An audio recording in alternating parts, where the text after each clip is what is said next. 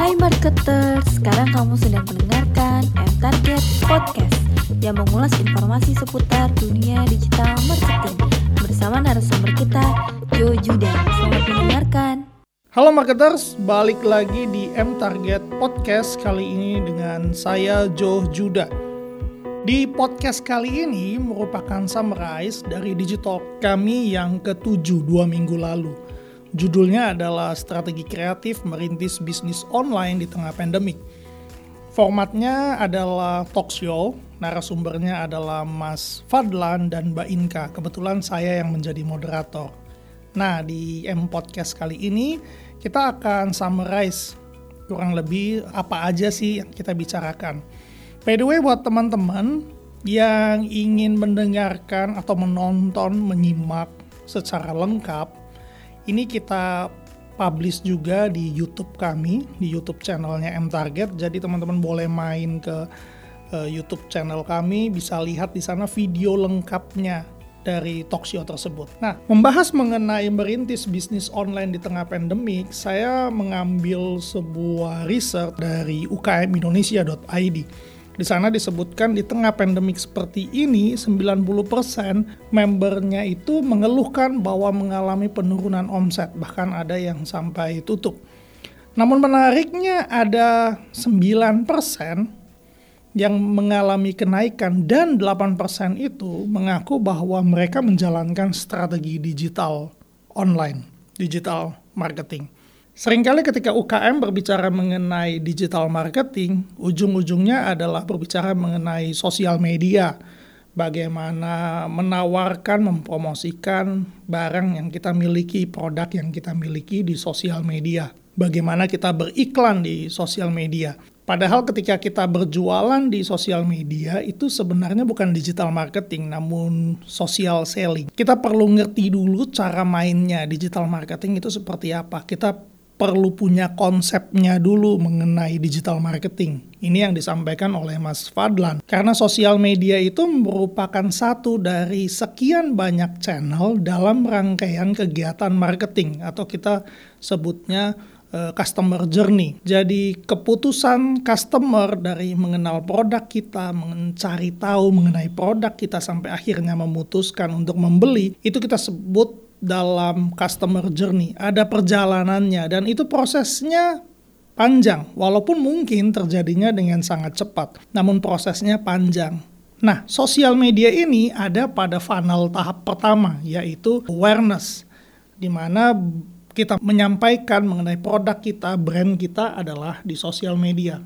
Namun channel untuk kita nurture bahkan untuk conversion itu bukan channelnya sosial media. Makanya kita perlu tahu bagaimana sih proses uh, digital marketing itu tahap demi tahap dan channel-channel apa saja yang cocok. Sosial media itu tidak dapat berdiri sendiri karena ini adalah funnel, adalah corong dari awareness itu adanya di top of funnel, kemudian ada middle of funnel di mana kita nurture calon customer kita sampai di bottom of funnel bagaimana akhirnya customer kita itu bisa membeli atau bahkan balik lagi untuk membeli produk kita. Nah, karena sosial media ini tidak dapat berdiri sendiri, sehingga banyak dari para pelaku UKM berkata bahwa saya sudah menjalankan digital marketing, namun nggak ada hasilnya atau hasilnya tidak memuaskan. Bisa jadi karena kita kurang paham bagaimana cara kerja digital marketing sesungguhnya jadi sosial media itu perlu yang namanya landing page atau mini website. Gunanya untuk apa sih? Untuk melakukan kegiatan retargeting. Anda bayangkan seperti ini.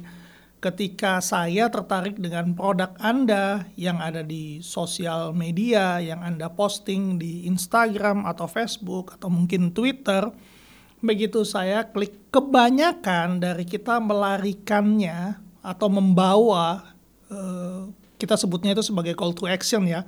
Klik tersebut langsung ke e-commerce-nya kita atau ke platform atau ke operator kayak GoFood, GrabFood itu kita sebut sebagai operator ya. Langsung dilarikan ke sana untuk melakukan uh, transaksi. Problemnya adalah begini, ketika buyer kita lari ke sana, lalu kita kirimkan barang kita, memang terjadi transaksi, memang kita melakukan penjualan, terjadi pembelian di sana. Namun, kita tidak mendapatkan database atau data dari customer kita. Kenapa data ini penting? Karena dengan data ini kita bisa melakukan nurturing atau upsell. Kita nggak bisa melakukan nurturing, kita nggak bisa melakukan retention. Padahal kan sebenarnya akan jauh lebih mudah dan murah ketika kita mengkonversion atau menawarkan produk ke customer yang sudah pernah membeli barang kita, yang sudah punya experience terhadap produk kita. Kalau berdasarkan data, conversion dari new customer itu 10 sampai 20%. Sedangkan dari existing customer atau yang sudah pernah berbelanja di tempat kita, conversionnya itu hingga 60%, bahkan di 70%. Karena oh, karena akan lebih mudah membuat atau meyakinkan orang untuk membeli kembali produk yang sudah pernah mereka beli daripada orang baru yang belum atau sama sekali pernah mencoba atau memakai produk kita. Dan ini ada data pendukungnya. Jadi berdasarkan data alasan kenapa seseorang tidak membeli lagi di tempat yang sama. Paling atas atau peringkat pertama alasan orang tidak membeli lagi adalah karena mereka biasanya sudah pindah. Pindah alamat sehingga lokasinya jadi jauh. Akhirnya orang memutuskan untuk membeli di tempat lain. Yang kedua adalah karena mereka lupa untuk membeli Nah ini sering kali kan kita sendiri alami nih ketika kita sudah nyaman atau cocok dengan beras tertentu, tapi ketika stoknya habis kita lupa membeli, akhirnya kita beli alternatifnya yang dekat aja atau yang kebetulan kita ingat. Makanya kita sebagai customer, makanya kita sebagai seller perlu strategi untuk mengingatkan orang membeli kembali di tempat kita hanya kurang dari 10% alasan orang tidak membeli lagi di tempat kita adalah karena kecewa.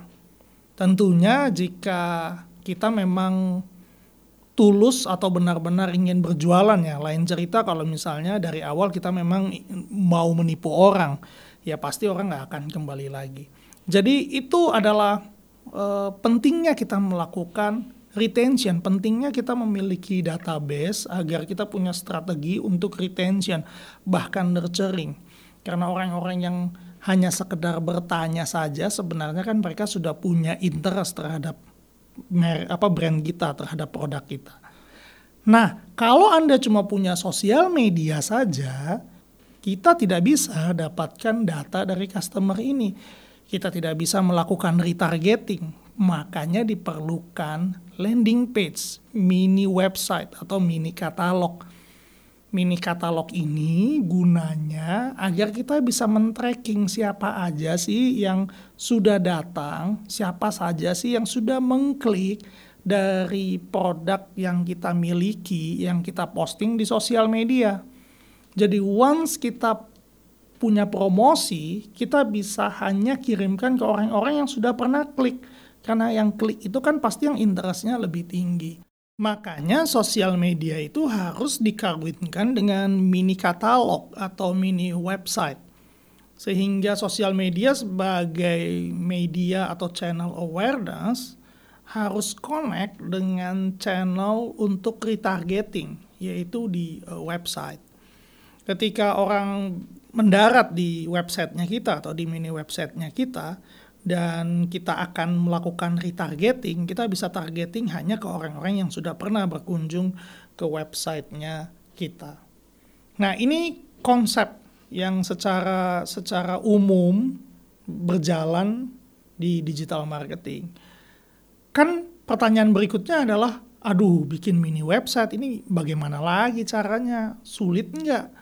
Bahkan uh, banyak perusahaan-perusahaan yang menawarkan untuk membuat website dengan murah. Nah, kebetulan ini OneBlink, salah satu produk dari M Target, kita bantu para UKM agar dapat membuat landing page mini katalog dengan sangat cepat dan gampang, gampang, gampang banget. Banyak banget template yang di sana dapat digunakan dan kita jamin kurang dari satu jam Anda sudah punya landing page sendiri. Dan itu dapat dikonekkan atau disambungkan dengan channel-channel sosial media Anda. Nah, ini salah satu yang kita bahas di Jitok kemarin.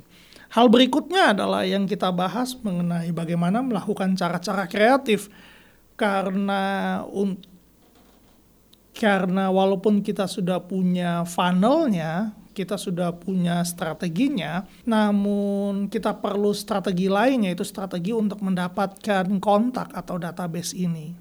Salah satu yang direkomendasikan adalah kita mencetak flyer atau brosur yang kita selipkan di dalam produk kita Se sehingga ketika ada customer yang membeli produk kita kita bisa selipkan di sana. Gunanya apa sih? Di flyer tersebut kita bisa isikan promo-promo khusus. Misalnya salah satu tipsnya adalah kita bisa gunakan QR di sana, minta agar customer yang membedak kita untuk order berikutnya melalui WhatsApp misalnya. Karena order dengan WhatsApp kita bisa berikan diskon 10 sampai 20%.